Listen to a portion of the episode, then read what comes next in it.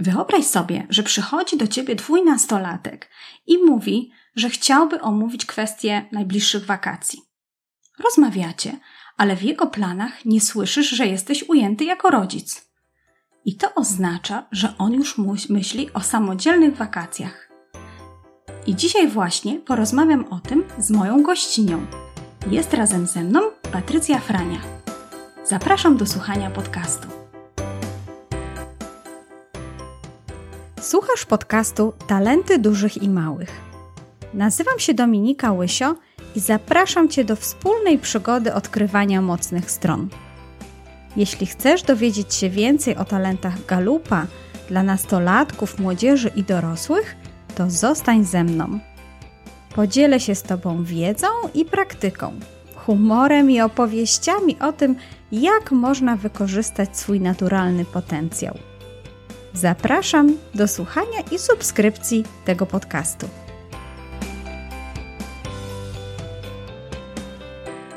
Dzień dobry, dzień dobry. Witam Cię bardzo serdecznie w kolejnym odcinku podcastu Talenty Dużych i Małych. No, przed nami wakacje. No właściwie już koniec czerwca, a zaraz lipiec, więc już planujemy powoli nasze wakacje. No i ostatnio pomyślałam sobie, że może dobrym tematem będzie, aby porozmawiać o pomyślę na samodzielne wakacje naszego nastolatka. To sama jestem mamą nastolatków, no i ten temat jak najbardziej jest dla mnie interesujący. Myślałam przez chwilę, kogo by zaprosić do rozmowy na ten temat, z kim najlepiej porozmawiać o tym. No i znalazłam taką osobę. Dzisiaj jest ze mną Patrycja Frania, doradca rodzinny i terapeuta dzieci i młodzieży. Ale co najważniejsze, mama dwójki nastolatków, więc zna doskonale ten temat. Dzień dobry, witam Cię, Patrycjo. Dzień dobry. Dzisiaj jesteśmy razem u mnie w domu. To taki wyjątkowe trochę nagranie, no bo do tej pory zazwyczaj słuchaliście o talentach Galupa, no ale dzisiaj jest ze mną mój gość. No to może Patrycjo, na początek powiesz parę słów o sobie naszym słuchaczom. To chyba najtrudniejszy kawałek naszej rozmowy. tak, tak sobie myślę. Dobra, na co dzień, e, na co dzień przede wszystkim jestem mamą dwóch nastolatek.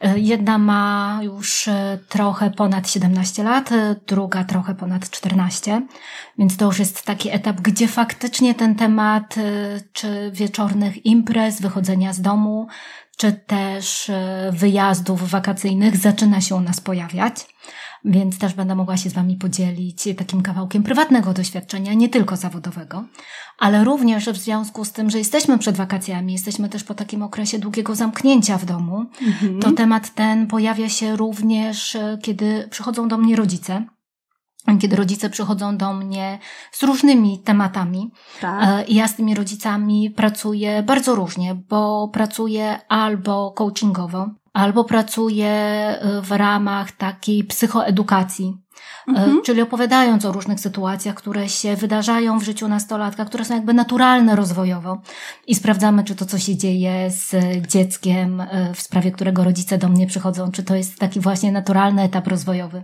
czy to jest może coś, czemu się trzeba więcej przyjrzeć. przyjrzeć. Mhm. A kiedy trzeba się więcej przyjrzeć, to przechodzimy do takiej pracy terapeutycznej. Mhm. I to jest też ten mój kawałek, który robię zawodowo i robię robię go w dwóch obszarach. Z reguły i zdecydowanie bardziej preferuję pracę z rodzicami. Natomiast zdarzają się również takie sytuacje, kiedy pracuję z nastolatkami. E, I chyba zawodowo o mnie to przede wszystkim tyle. No dobrze, ale powiedz, gdzie w ogóle można Cię znaleźć? Bo y, już od razu się przyznam, że obie mieszkamy we Wrocławiu, więc gdyby ktoś chciał y, spotkać Patrycję osobiście, to oczywiście we Wrocławiu. No ale gdzie można Cię spotkać w sieci? Co, co robisz jeszcze? Czy gdzie, jakie są miejsca, gdzie dzielisz się swoją wiedzą? W sieci najlepiej znaleźć mnie w dwóch przestrzeniach. Mm, oczywiście, znaczy może nie oczywiście, ale jedna i druga przestrzeń to facebookowa. Przy czym z jednej strony bardzo mocno jestem związana z Fundacją Wychowanie w Szacunku. To jest fundacja, którą parę lat temu zakładałyśmy z moimi znajomymi e, i jest to fundacja, której głównym celem jest wspieranie rodziców i nauczycieli w procesie towarzyszenia dzieciakom. I to jest jedno miejsce. Drugie miejsce również facebookowo. E, od jakiegoś czasu e, dzielę się swoim doświadczeniem na takim fanpage'u, który nazywa się Mamy Nastolatków. I tam też bardzo serdecznie wszystkich zapraszam. W sieci mnie też można znaleźć oczywiście jako Patrycja Frania. No tak. I tam jest podany mój kontakt prywatny w razie jakiegoś, jakichś trudności, problemów albo pytań. Zawsze można dzwonić. Można Cię tam znaleźć. Tak, można mnie tam znaleźć. I słuchajcie, wszystkie linki, które są związane z miejscami, gdzie jest Patrycja, oczywiście zostawię w opisie do tego odcinka, więc zaglądajcie na stronę podcastu Talenty Dużych i Małych. Tam będą właśnie te wszystkie linki, od których tutaj Patrycja wspomina. No dobrze. Podcast Talenty Dużych i Małych jest o talentach Galupa. Więc oczywiście chciałabym Ciebie zapytać o to, czy znasz swoje talenty Galupa, czy masz je zbadane, a jeśli tak, to jakbyś mogła się podzielić tym, jakie one są. Mam zbadane. To jest e, bardzo świeży temat. Aha. Czy to jest świeży temat po raz drugi? Ponieważ mhm. ja jestem po takiej długiej transformacji i prywatnej, i zawodowej. W związku z tym postanowiłam zrobić sobie talenty raz jeszcze. Mhm. E, I robiłam je chwilę temu, dosłownie może miesiąc, nie, nie wow. minął nawet. Tak. Czyli rzeczywiście bardzo, bardzo świeża rzecz. Tak, bardzo świeża rzecz. Y, to, co wyszło mi w tej chwili, różni się nieco od tego, co było robione pięć lat temu. Natomiast, tak jak mówię, to była duża transformacja, więc, y, więc te talenty trochę się zmieniły, chociaż te, które wyszły mi poprzednim razem, są ulokowane dosyć wysoko, ale już nie są w pierwszej piątce. I w tej chwili to, co mi w pierwszej piątce wyszło, to maksymalista, e, odkrywczość, elastyczność, mhm. współzależność i bliskość. To jest ta taka, te, te top five, tak? Tak jak to się w tak, top five, nazywa. Top five. Tak. A masz jakiś swój top one, że tak powiem, talent, czyli ten, który najbardziej lubisz, który czujesz, że najbardziej cię wspiera, a może najbardziej cię wspiera właśnie w roli rodzicielskiej. Może pod tym kątem bym zapytała. Okej. Okay. Pomyślałam w pierwszej chwili o roli zawodowej i pomyślałam, że to, co mnie wspiera w roli zawodowej, to nie jest w pierwszej piątce, mhm. ale jest w pierwszej dziesiątce, mhm. bo tam jeszcze jest learner. Aha, uczenie się. Tak, uczenie się i tam jeszcze jest zbieranie kole... Mhm, input. Input, o właśnie, i tam jeszcze jest input, tak. I to są takie dwa talenty, które bardzo mocno e, definiują mnie zawodowo. Natomiast w roli rodzicielskiej, tak. E, to o co zapytałaś, to e, myślę, że to jest elastyczność i to mhm. jest jeden kawałek i drugi kawałek to jest bliskość. To, mhm. są, to są te dwa talenty, które dla mnie są takie w roli rodzicielskiej mocno wspierające. Mhm. To ciekawe, bo akurat wymieniłaś dwa talenty z domeny budowania relacji. A bardzo często tutaj właśnie mówię też rodzicom, że te talenty relacyjne na pewno nas przede wszystkim wspierają właśnie w budowaniu relacji z naszymi nastolatkami, więc wcale się nie dziwię. No a jeśli ktoś z słuchaczy chciałby posłuchać więcej chociażby o elastyczności, to oczywiście odsyłam do odcinka 41. Tam właśnie talent elastyczność, całkiem świeży odcinek, chyba przed tym naszym się e, został opublikowany. Ale dzisiaj mamy rozmawiać o pomyśle na samodzielne wakacje naszych nastolatków. No tej chwili, kiedy czujemy gdzieś przez skórę, albo dzieje się to już po prostu u nas w domu, że nasze nastoletnie, i tutaj będę też chciała jakby zdefiniować właśnie w jakim wieku te dzieci, mogą przyjść i powiedzieć, że mają już trochę inny pomysł na swoje wakacje niż my. No i właśnie, zastanówmy się na początku, w którym momencie możemy się spodziewać, że nasze dziecko wpadnie już na taki pomysł. Jak ty to właśnie, Patrycja, obserwujesz? Jaki to może być moment, kiedy już nasze nastolatki będą chciały spędzać wakacje, no nie z rodzicami? To jest też szeroki temat, bo mhm. to zagadnienie może dotyczyć nie z rodzicami, to znaczy na obozie, kolonii, na jakimś zorganizowanym wyjeździe. Mhm. To jest jeden kawałek, który myślę, że przychodzi nam e, dużo łatwiej zaakceptować tak, jako rodzicom. Tak. Drugi kawałek, który też wydaje mi się, że jest e, łatwy do akceptacji, to spędzanie wakacji z kimś z naszych e, znajomych, mhm. kto być może ma dziecko w podobnym wieku jak nasze i chce zabrać e, nasze ze sobą do kompletu. I to jest mhm. taka sytuacja, której ja na przykład doświadczam już drugi rok z rzędu i z której bardzo się cieszę. Mhm. Bo moja młodsza córka wyjeżdża z rodzicami swojej przyjaciółki, ze swoją przyjaciółką. Wyjeżdżają na wakacje za granicę. To ma bardzo dużo zalet. E, I to też jest łatwiejsze do akceptacji, tak mi się wydaje. Mhm. I ten trzeci temat, Tak. który pewnie dzisiaj będzie najbardziej interesował Twoich słuchaczy. Tak. To jest ten temat, kiedy nasze dziecko przychodzi i mówi: No wiecie, jadę z paczką znajomych. Dokładnie. Jeszcze fajnie, kiedy przyjdzie i spyta, czy mogę, ale często to jest kwestia jadę. Po prostu jadę i koniec, drodzy rodzice. Czuję się już dorosły, dorosła. Mam swoje 15, No 16 Właśnie. No właśnie. lat na Tak. karku. Mhm. A, I drodzy rodzice, no wiecie, ja już jestem dorosła w moim mniemaniu, albo dorosły w moim mniemaniu, prawda? Mhm. E, I myślę, że to, są, to jest ten temat i to jest ten obszar, e, kiedy my jako rodzice często, nie zawsze, ale często szeroko otwieramy oczy, robi nam się gorąco, dopadają nas na zmianę zimne i gorące poty i pojawia się w głowie pytanie albo rety, rety, co tu zrobić? Tak. Albo pytanie, o matko, gdzie ja popełniłem błąd wychowawczy? Albo jakieś inne po drodze pojawiają się pytania, natomiast faktycznie to jest ten moment, kiedy my jako rodzice stajemy przed e, dylematem, to co zrobić? Dobrze, czyli załóżmy, że mamy dwie sytuacje może na razie. E, Pierwsza jest taka, że jednak nasze dziecko gdzieś już jeździło wcześniej na wakacje, e, czyli no, wysyłaliśmy je, tak jak mówiłaś, ze znajomymi e, i no, zdarzało się, że już było bez nas gdzieś na wakacjach, ale miało pewną jakąś opiekę innych osób dorosłych. No i druga sytuacja jest taka, że zawsze na przykład jeździło z nami, zawsze było z rodzicami na wakacjach i przychodzi i mówi, że chce jechać.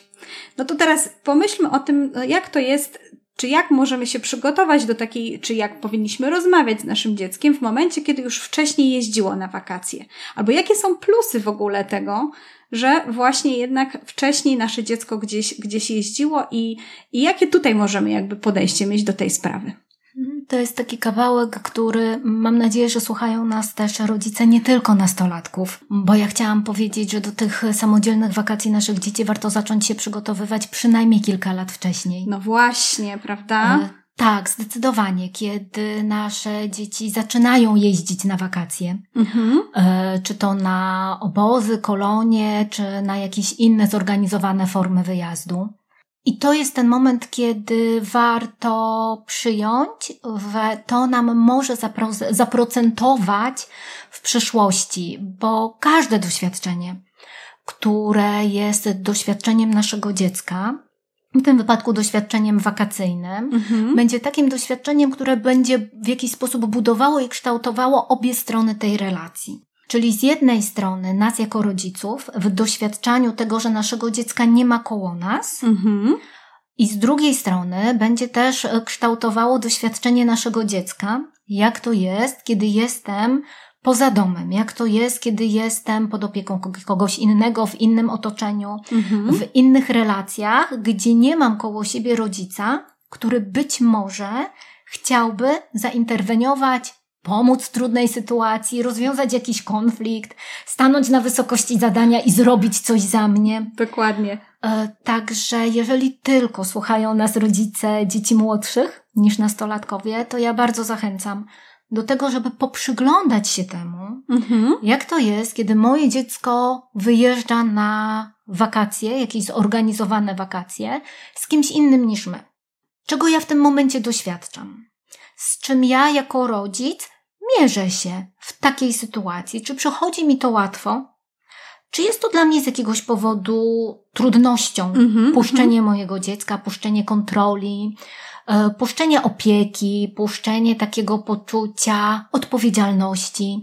To są wszystkie te kawałki, które nam w procesie rodzicielstwa towarzyszą, które Tak. albo w większym, albo w mniejszym stopniu, ale, bardzo, ale wiążą się z byciem rodzicem. Tak. I y, samodzielne wyjazdy na wakacje są takim przygotowywaniem naszych dzieci do kawałka samodzielności. Mhm. Takiej samodzielności, która ono może doświadczać i na wakacjach, bo ten temat wakacji za chwilę jeszcze zobaczymy, że on jest dużo szerszy, Tak.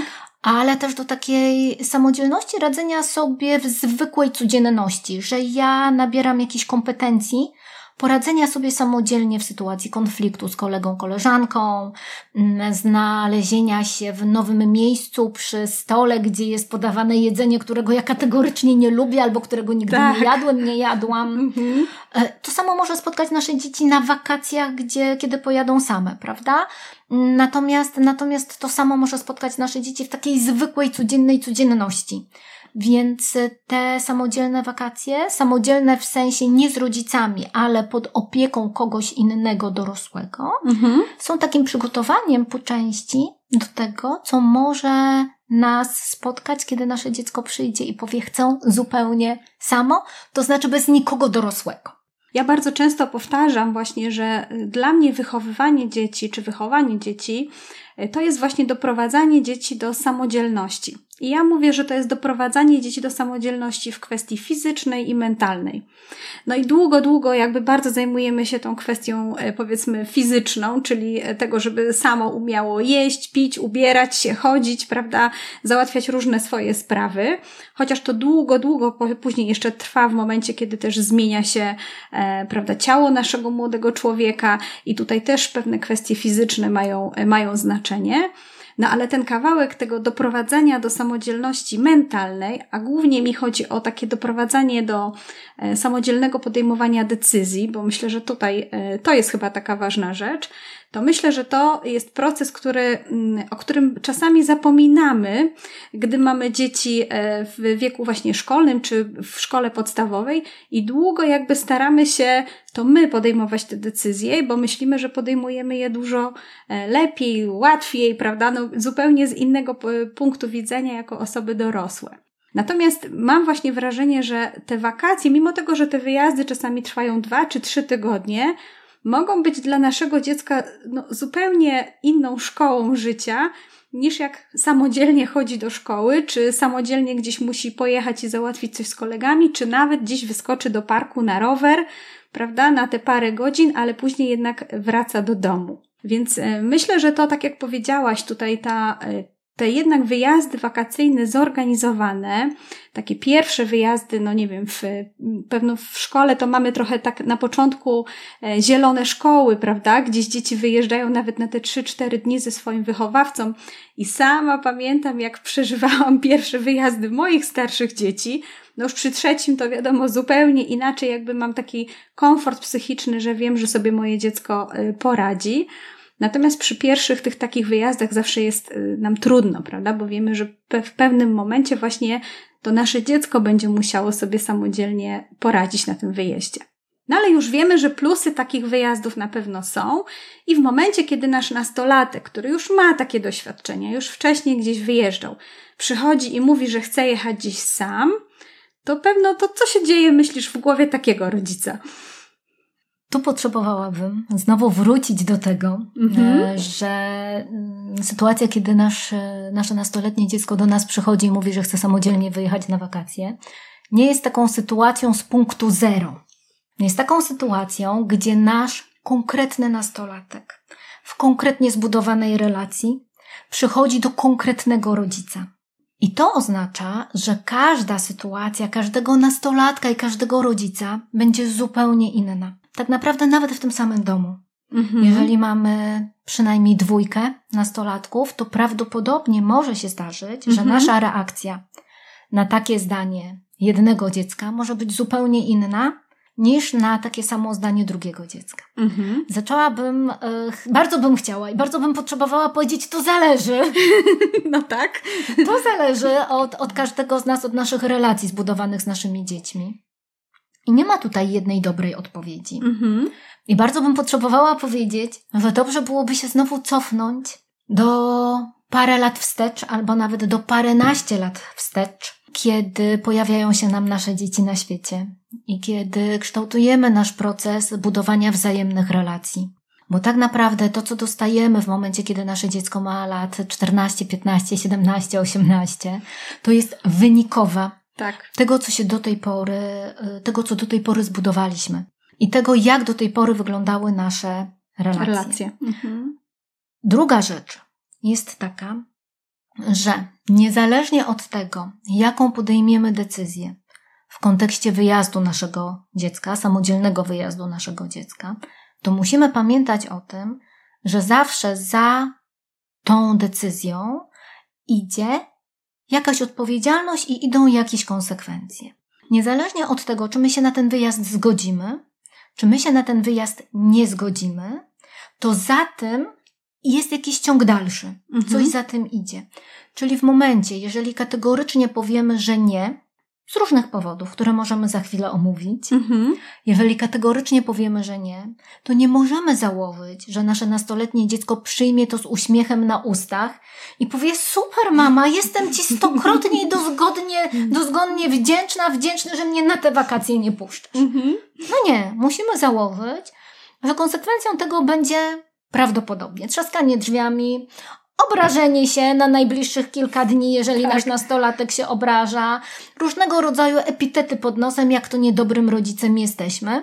Okej, ale odpowiedzialność za decyzję, czy puszczam moje dziecko na wakacje, czy nie, jest odpowiedzialnością mnie dorosłego, jest odpowiedzialnością mnie rodzica. Mhm. Mhm. I podobnie, jeżeli powiem, że okej, puszczam cię, moje drogie dziecko, na wakacje, to również muszę pamiętać o tym, że za tym idzie jakaś odpowiedzialność. I warto dokładnie zastanowić się nad tym, jaka odpowiedzialność za tym idzie i na Mhm. ile ja, jako rodzic, jestem gotowy, gotowa z tą odpowiedzialnością się zmierzyć. Mhm. Bo być może, że mamy takie dziecko, co do którego jesteśmy naprawdę pewni, a to i tak dałabym w cudzysłowie, Tak. że ono będąc na tych wakacjach będzie ciche, spokojne, będzie korzystało z uroków natury i naprawdę nic poza tym. I od razu tutaj robię taki przypis, że jeżeli mamy takie dziecko, jeżeli macie takie dziecko, to zadzwońcie do mnie, bo warto się temu poprzyglądać. Mhm. E, bo jeżeli nie teraz, to za czas jakiś może wejść w fazę takiego dorosłego dojrzewania i dorosłego buntu. Mhm. I lepiej przeżyć to wcześniej, niż mając lat 30 czy 40. Aha. I to jest jeden kawałek. Drugi kawałek jest też taki, że jeżeli puścimy nasze dziecko na samodzielne wakacje, to może nam się uruchomić wyobraźnia.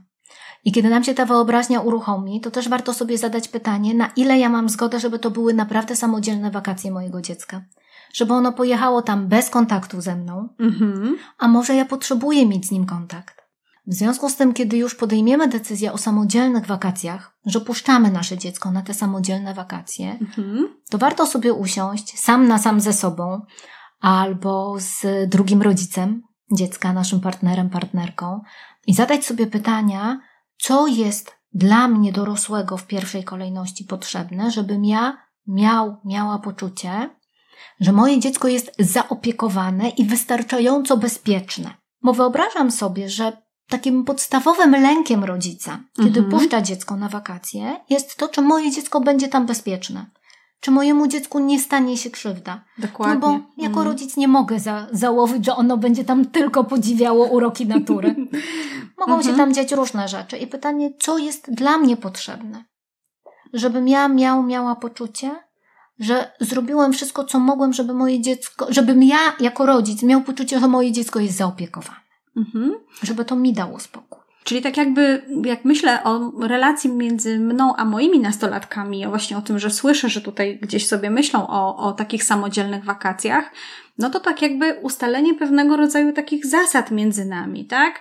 E, Co robimy, jeżeli ty już jesteś na tych wakacjach, ja jestem ciągle w domu i jak, w jaki sposób dajemy sobie wzajemnie to poczucie takiego bezpieczeństwa, tego, że i ty się dobrze czujesz na tych wakacjach, a ja dobrze się czuję e, w tym, że jestem w domu bez, bez ciebie. Czy ja to dobrze rozumiem? Tak, zdecydowanie tak. Mm, Kiedy, kiedy nazwałaś to, kiedy podsumowałaś to, co ja powiedziałam, to pomyślałam sobie, że tak w ogóle to dobrze jest, gdyby taki pierwszy samodzielny wyjazd był zorganizowany z osobami, które my znamy.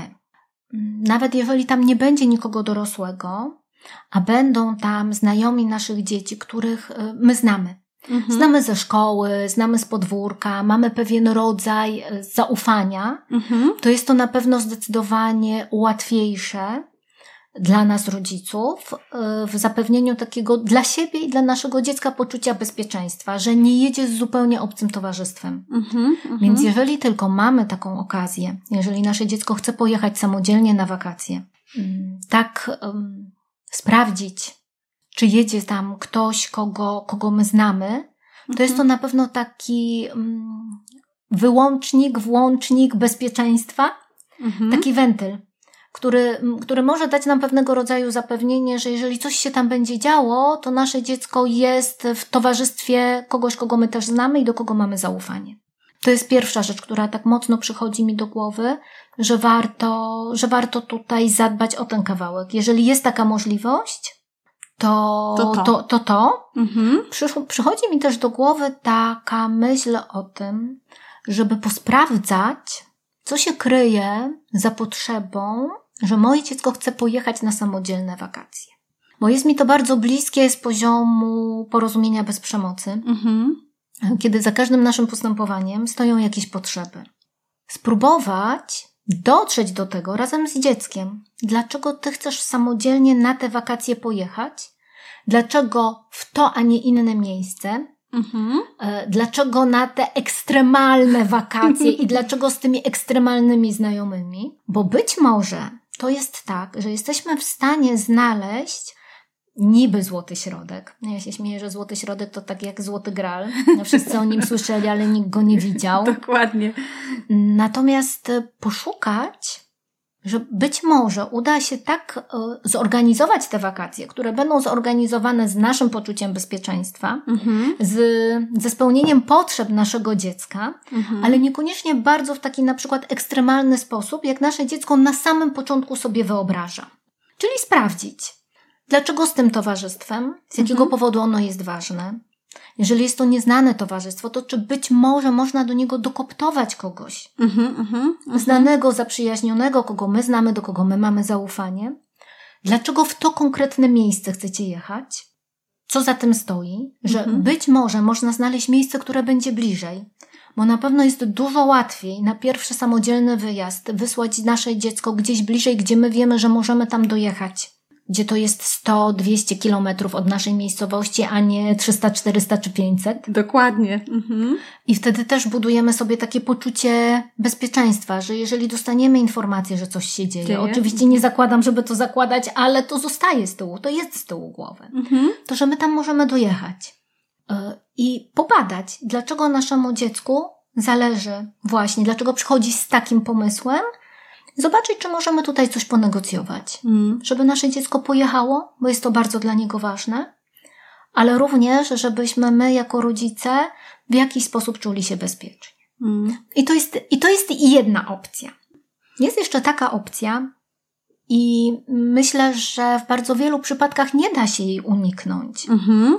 że nasze dzieci po prostu zaczynają doświadczać dorosłości Mhm. że nasze dzieci w tym okresie średniej adolescencji, czyli tak mniej więcej między tym 15 a 17, 18 rokiem życia, wchodzą w taki etap, gdzie potrzebują podoświadczać oderwania od rodziców, gdzie potrzebują podoświadczać ponoszenia konsekwencji i odpowiedzialności za to, co robią. Tak.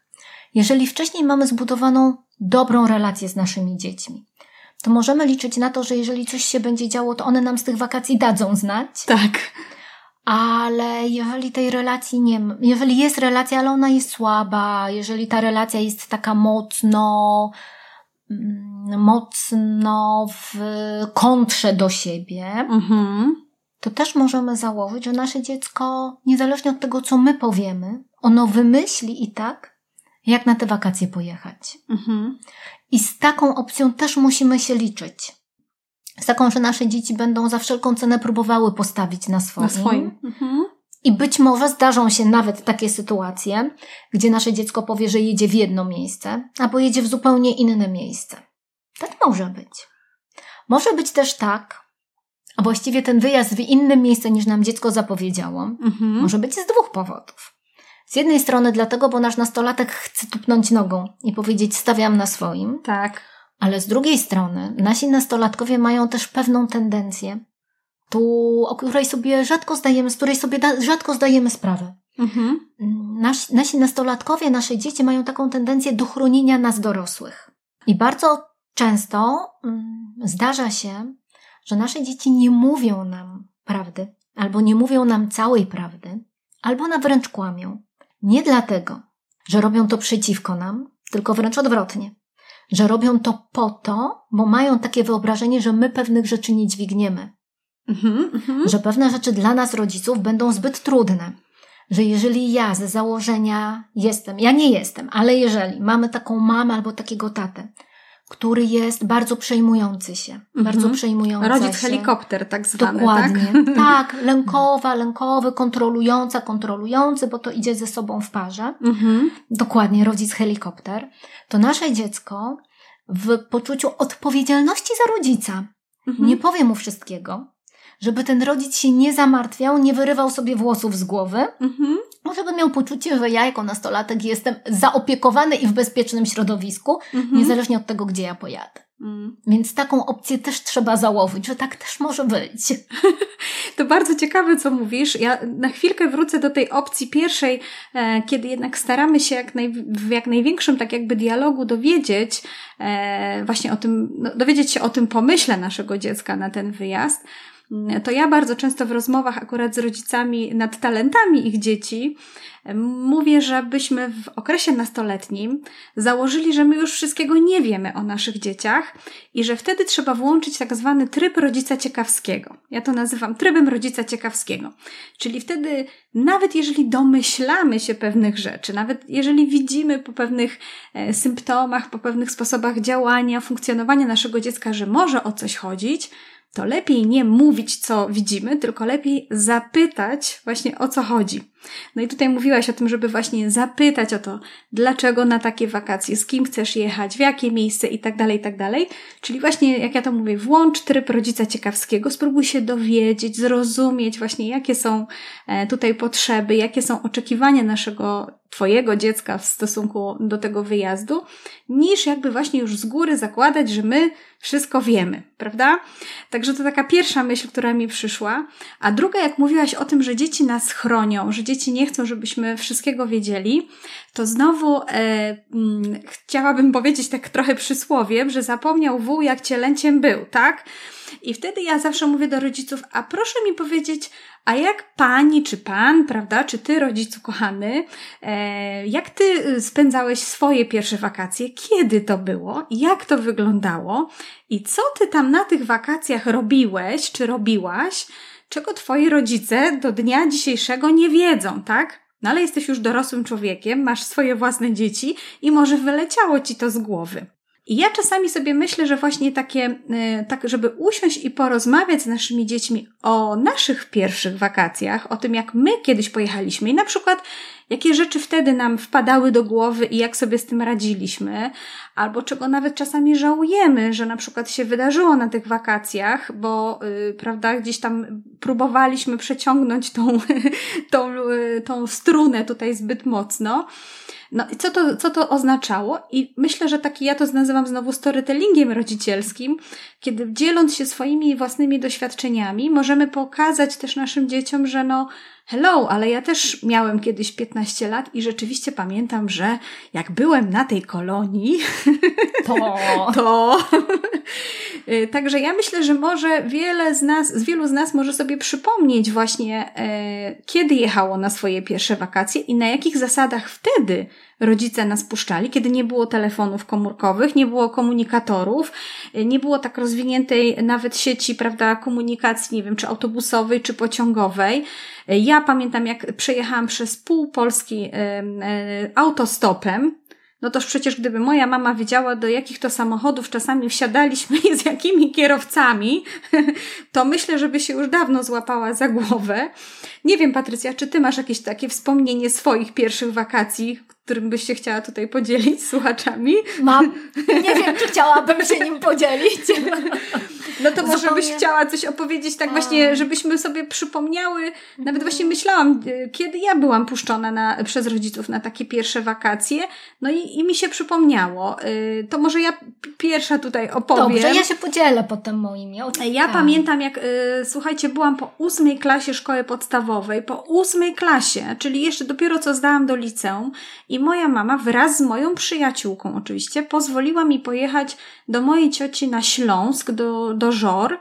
E, kiedy z Kłodzka, w którym się wychowywałam, e, do Żor musiałyśmy dojechać pociągiem i autobusami, tam, czyli były trzy przesiadki łącznie i jechałyśmy całą tą trasę same, mając 16 lat. Oczywiście tam już byłyśmy, właśnie miałyśmy te wakacje zorganizowane w taki sposób, że byłam u cioci, czyli już była osoba dorosła, ale ciocia właściwie to głównie służyła do tego, żeby nam tam, prawda, dać wikt i opierunek. Natomiast większość czasu spędzałam z moim kuzynostwem, które, które było w podobnym e, wieku jak ja. No i to już co tam się działo, to ja rzeczywiście, jak sobie wspomnę, jakich y, różnych, y, różne znajomości tam zawierałyśmy i w jaki sposób to następowało, no to tak się zaczynam zastanawiać, czy to było w pełni bezpieczne. Ale już gdzieś chyba y, ten fundament taki rodzicielski był wybudowany we mnie, czyli jednak w którymś momencie umiałam powiedzieć stop, tego nie chcę próbować, tego nie chcę robić ale do tej pory pamiętam, no moje dzieci teraz są już w liceum i jeszcze w sumie, no yy, tak, żeby gdzieś same podróżowały autobusem, to rzeczywiście im się, im się nie zdarzyło, a ja już nawet byłam wtedy młodsza, no i mówię, nie było tych telefonów, mama po prostu musiała czekać te cztery godziny, jak tam dojechaliśmy na miejsce i dopiero z budki telefonicznej gdzieś tam się dzwoniło, że mamuś, no już jestem, dojechałam, prawda?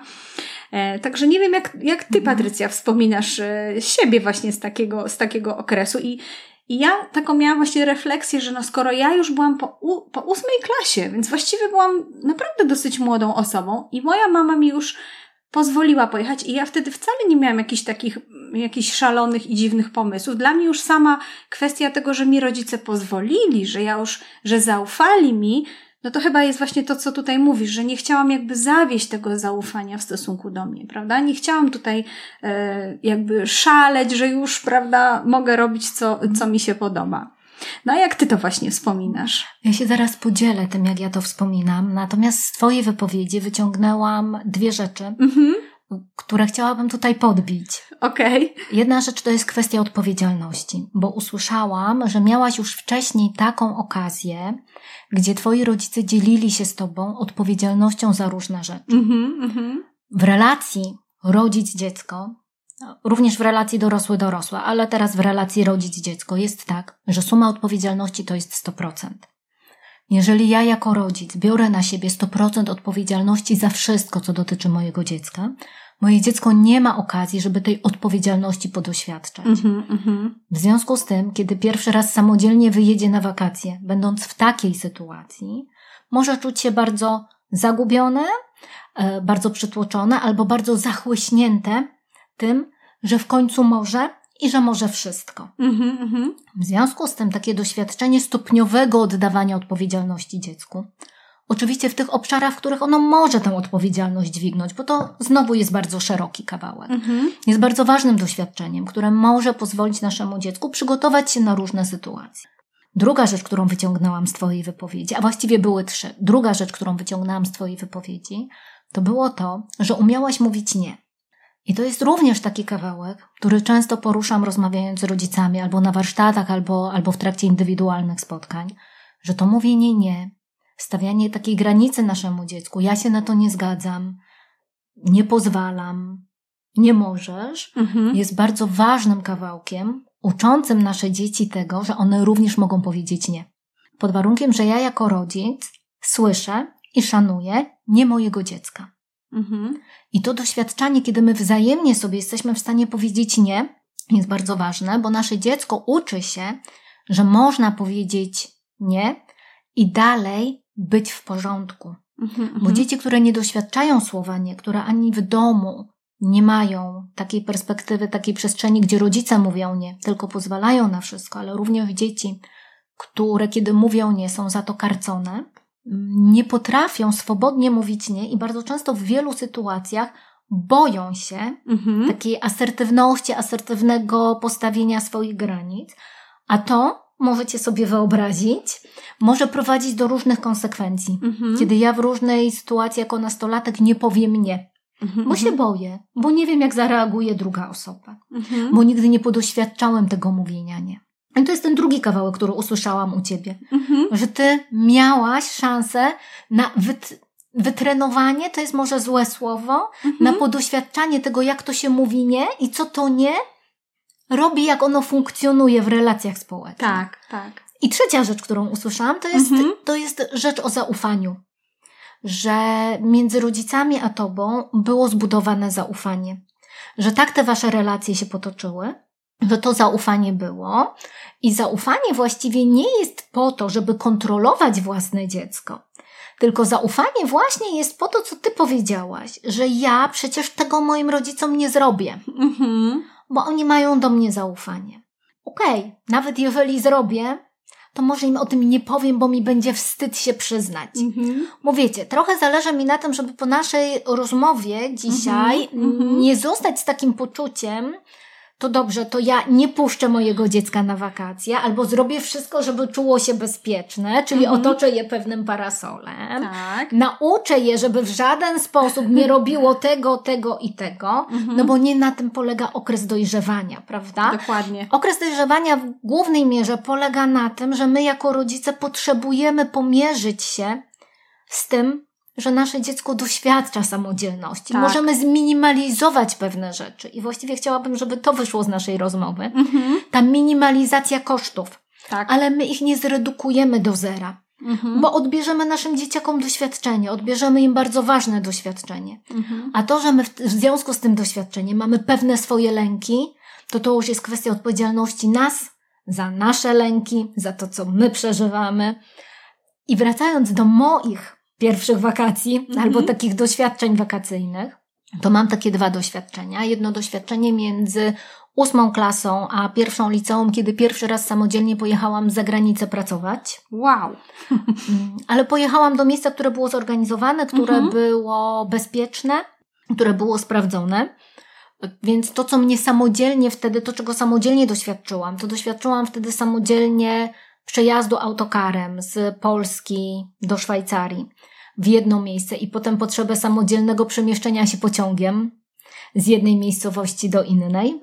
I to była taka, taka pierwsza, pierwsza moja gruba nauka samodzielności. Mhm. Ale tam było grzecznie i spokojnie. Mhm. Specjalnie mówię grzecznie, bo tam wszystko było, funkcjonowało w ramach, już pod opieką dorosłych, tam gdzie ja pracowałam. Mhm.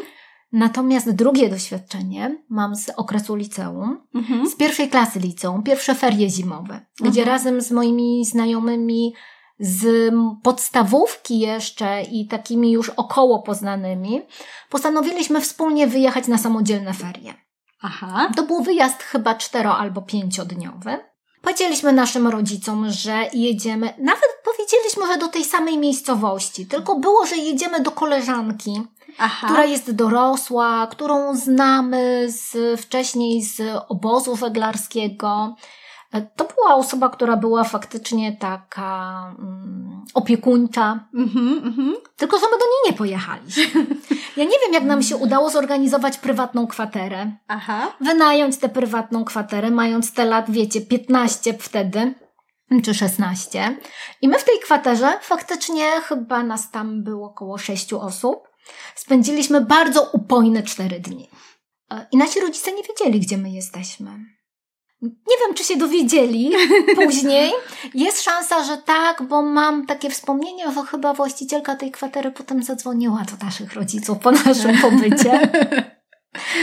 E, Natomiast, natomiast, no właśnie, potrzebowaliśmy podoświadczać samodzielności Mhm. bez rodziców, bez opiekuńczości, bez kontroli, podoświadczać tego, jak to jest w cudzysłowie być dorosłym. Mhm.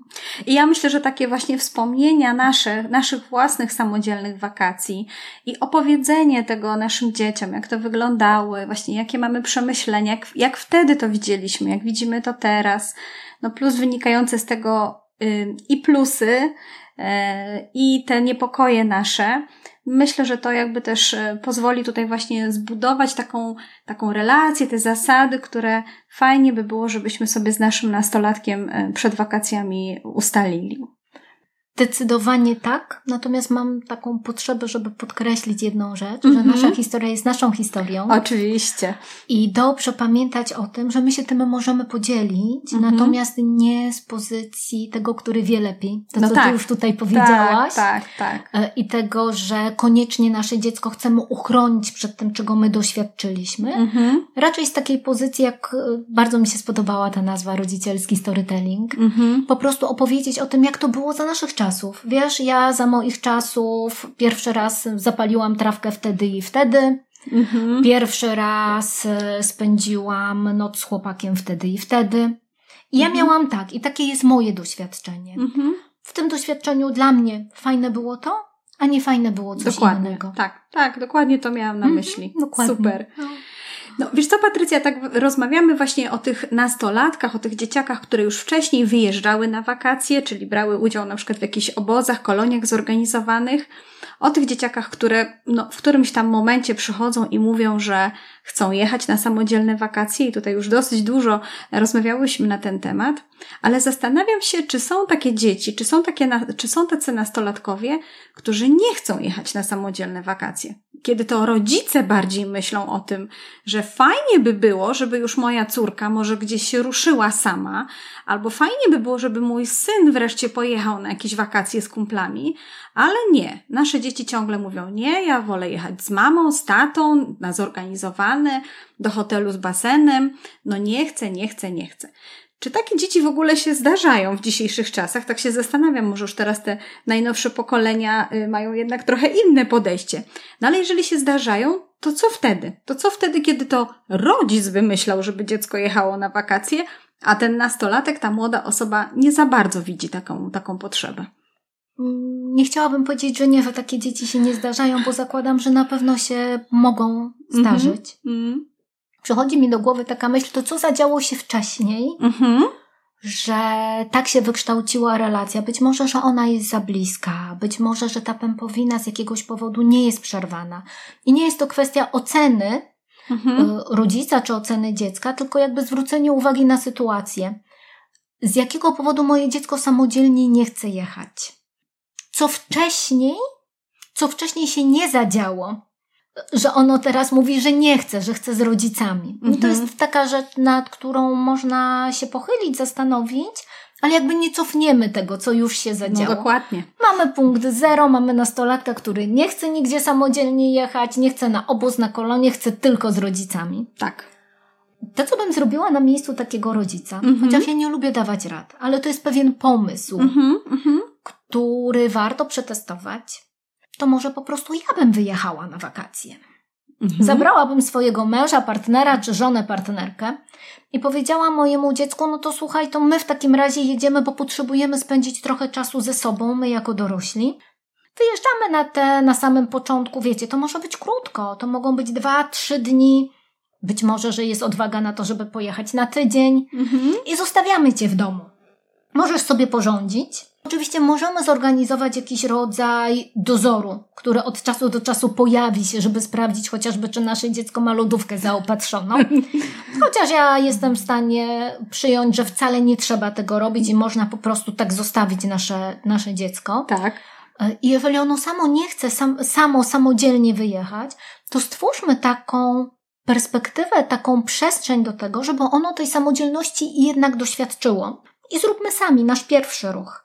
Kiedy ja słyszę o tym, że dziecko mamy nastolatka, który mówi, że wszędzie z rodzicami, to pojawia mi się też z tyłu głowy takie pytanie dotyczące relacji między dorosłymi w tym związku. Czy tam jest przestrzeń na to, żebym ja jako mama, ja jako tata, żebyśmy mieli ze sobą swoją własną prywatną relację.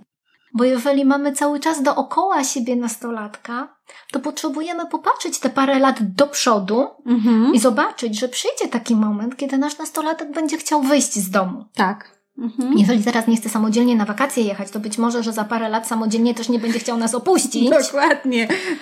Dokładnie. Natomiast to jest ten moment, gdzie warto zacząć wrócić do budowania, jeżeli wcześniej nie było na to czasu, przestrzeni, wrócić do budowania relacji na piętrze dorosły-dorosły. I pozwolić na to, jeżeli nie dziecko nam mówi, ja chcę samo wyjechać, to samemu zadziałać, żeby dać perspektywę dziecku na doświadczanie samodzielności. Mm, Bo to, mm. co my jako rodzice możemy zrobić najlepiej, to to, żeby przytulać nasze dzieci wtedy, kiedy dają się przytulać.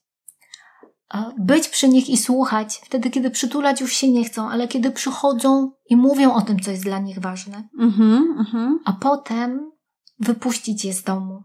Tak. I pozwolić im samodzielnie doświadczać swojego własnego życia, ale potrzebują się wcześniej do tego nasze dzieciaki przygotować, mm-hmm, żeby nie zderzyć się z murem, ścianą, dla mnie bardzo bliskie jest porównanie, którego używa Jesper Jul, mówiąc o okresie funkcjonowania z nastolatkiem, opisując to jako bycie na ringu, mhm. bycie w takiej relacji sparring partnera, gdzie się kłócimy, doświadczamy, wzajemnie w cudzysłowie boksujemy. Tak. I uczymy się ponoszenia w związku z tym pewnych konsekwencji, odpowiedzialności, doświadczania mhm. różnych sytuacji. Ciągle jeszcze w bezpiecznym domowym laboratorium. Tak, tak. I te kłótnie z nastolatkami, te ich tupanie nogą, trzaskanie drzwiami, one w dużej mierze są po to, żeby nasze dzieciaki nauczyły się, jak samodzielnie radzić sobie ze swoimi emocjami, z różnymi trudnymi sytuacjami. I podobnie te, samo, te, te, te okresy samodzielności w byciu nastolatkiem. No właśnie, tych samodzielnych wyjazdów czy samodzielnych pobytów w domu. Więc dla mnie ważne jest, żeby stwarzać okazję. Tak. Nawet na krótko, ale dawać taką przestrzeń naszemu dziecku, że ono może. Ja myślę, że to piękne podsumowanie naszego dzisiejszego spotkania, bo tak właśnie ja zaczęłam od tematu wakacji, ale tak gdzieś z tyłu głowy miałam troszkę ten temat samodzielności. To właśnie o czym dzisiaj tutaj tak dużo rozmawiałyśmy, bo tak naprawdę, jeżeli ja myślę o moim dziecku przez, na przestrzeni szkoły podstawowej, później średniej, czy nawet studiów, prawda? Tego czasu, kiedy ono dorasta, dojrzewa, idzie w, do, idzie w dorosłość, to jakby no, w tym pierwszym okresie takiej właśnie szkoły podstawowej, to właśnie te okresy wakacyjne to są dobrymi okresami do takiego trenowania tej samodzielności. No i tutaj o różnych formach rozmawiałyśmy, o różnych możliwościach i pewno to jest właśnie tak, jak mm, tutaj też dzisiaj powiedziałyśmy, że im wcześniej zaczniemy, im wcześniej gdzieś takie mm, no, te wydarzenia y, samodzielności, czy te mm, takie sposoby na trenowanie tej samodzielności będziemy stwarzać naszemu dziecku, tym im ono będzie starsze, te waga tych wydarzeń, czy waga tych wyjazdów, długość, odległość będzie dla nas coraz łatwiejsza pewno do zaakceptowania. Nie wiem, czy się zgodzisz, że to tak, y, to chyba y, głównie co byśmy chciały, żeby, żeby rodzice sobie przemyśleli, aczkolwiek oczywiście dzisiaj tutaj też w trakcie rozmowy poruszyłyśmy kilka tematów związanych z tym, że no jesteśmy w punkcie zero, coś się dzieje no i wtedy też tutaj e, kilka podpowiedzi było, więc e, mam nadzieję, że rodzice tutaj znajdą dla siebie kilka ciekawych właśnie sposobów na to, jak sobie z tym poradzić, czy co też tak naprawdę przemyśleć, prawda? Nie wiem, Patrycja, czy jeszcze byś chciała tak na podsumowanie właśnie jakąś, jakieś tutaj przesłanie dla rodziców, jeżeli chodzi o te samodzielne wakacje nastolatków przekazać? Mam takie poczucie, że powiedziałyśmy bardzo dużo. Mhm. Mam, takie, mam taką nadzieję, że dla Was też było to ciekawe spotkanie. Jeżeli chodzi o podsumowanie, to taka myśl, która już wcześniej gdzieś w trakcie naszej, naszej rozmowy miała miejsce, to to, żebyśmy pamiętali, że nasze dzieci potrzebują doświadczać samodzielności. Dokładnie. I tak mm. jak powiedziałaś, tak jak powiedziałaś Dominiko, one tej samodzielności dobrze, żeby miały szansę uczyć się od najmłodszych lat. Tak. E, z taką rodzicielską równowagą, żeby z kolei nie przytłoczyć dzieciaków samodzielnością. To prawda. Mhm. Więc znowu mamy dwie, dwie mhm. osie czy dwie strony tego samego medalu. Gdzieś ten balans trzeba znajdować, prawda? Szukanie tego balansu, tak. Takiego balansu, który też dla mnie rodzica jest okej. Okay. Mhm. Bo będę miała, mam takich rodziców, będę miała pewnie i miałam, którzy przychodzą i którzy mają jakoś, i mam takich, którzy mają jakoś inaczej. Więc to, co jest dla mnie ważne w tym temacie i samodzielności, w tym temacie wakacyjnym, mhm. to to, żeby w pierwszej chwili i w pierwszej kolejności poprzyglądać się sobie. Jak ja jako rodzic mam z tym tematem. Mm. Dlaczego to dla mnie jest jakieś. Bo ja mogę mieć tak, że to w ogóle dla mnie nie jest problemem. Niech, niech sobie jedzie, mhm. byle daleko i bez komórki. A mogę mieć tak, że okej, okay, boję się. W porządku. I dlaczego? Taka sytuacja, do której zachęcam Was wszystkich, żeby jej uniknąć, to jest taka sytuacja, która związana jest ze społecznymi stereotypami. Mhm. Albo z takimi, ja nazywam to mantrami, które my jako dzieci, jako nastolatkowie słyszeliśmy czy od naszych rodziców, czy od otoczenia. Że coś się na pewno wydarzy, Mhm. E, że tego na pewno nie rób, albo że jak wyjedziesz na wakacje, że jak dziecko wyjedzie na wakacje, to na pewno robi to tam. No tak. E, bo to są takie sytuacje, które my sobie przyswajamy, zapominamy po części, że one nie są nasze. Mhm. I one budują w nas potem jakiś opór i też są podstawą naszego stanowiska, które przyjmujemy w stosunku do naszych dzieci. Mhm, mhm. Niekoniecznie w autentyczności sam na sam ze sobą. Bo jeżeli ja jako dziecko słyszałam, że jak młodzież wyjeżdża na wakacje, to zawsze tam są hulanki. Tak. To ja mogę mieć jako dorosły e, w tym punkcie wyjścia do wakacji mojego dziecka też takie poczucie. Jak młodzież jedzie na wakacje, to zawsze są tam hulanki. Mhm. Przy czym, jeżeli się głębiej zastanowię, to ja nie mam żadnych faktów, na których opieram to przypuszczenie, czy na których opieram to stwierdzenie. Mhm. Tylko to jest coś, co zostało mi zaszczepione, kiedy ja byłam dzieckiem, czy kiedy ja byłam młodą osobą. Przekonania nasze. Takie prawda? przekonania, które warto łapać, mhm. że one są przekonaniami i że one niekoniecznie budują realną wizję świata, przynajmniej tego świata między mną i moim dzieckiem. dzieckiem. No słuchajcie, gdybyście chcieli indywidualnie porozmawiać z Patrycją na ten temat, jeżeli jako rodzice czujecie, że rzeczywiście to dla Was jest ważny temat, to oczywiście, w, tak jak mówię, w opisie odcinka zostawiam linki, e, kontakty do Patrycji, więc na pewno można przyjść i indywidualnie na ten temat porozmawiać. No a ja, Patrycjo, bardzo serdecznie Ci dziękuję dzisiaj za, e, za odwiedzenie mojego domowego studia podcastowego. Myślę, że to była bardzo fajna i bardzo ciekawa rozmowa. Dla mnie bardzo dobre doświadczenie i bardzo cudna, bardzo inspirująca rozmowa. No, także dziękuję Ci bardzo serdecznie. A ja zapraszam Was na kolejny odcinek podcastu. W tym odcinku opowiem Wam o bardzo ciekawym rodzaju sportu, a mianowicie o biegach na orientację. Zaprosiłam e, gościa specjalnego, który opowie o tym trochę więcej, a nie wiem, czy wiecie, że są miejsca w całej Polsce, które takie biegi organizują. Więc zapraszam do kolejnego odcinka. Będzie właśnie taki kolejny wak wakacyjny temat. Dziękuję serdecznie za Twoje towarzystwo i wysłuchanie tego odcinka. Jeśli chcesz dowiedzieć się jeszcze więcej, to zajrzyj koniecznie na stronę talentydużychimałych.pl bez polskich znaków. Wszystkie odcinki znajdziesz również w aplikacjach do słuchania podcastów w swoim telefonie. Za każdy komentarz lub gwiazdkę już teraz serdecznie Ci dziękuję. Koniecznie udostępnij mój podcast osobom, którym ta wiedza może się przydać. Czekam na Ciebie i do usłyszenia w następnym odcinku.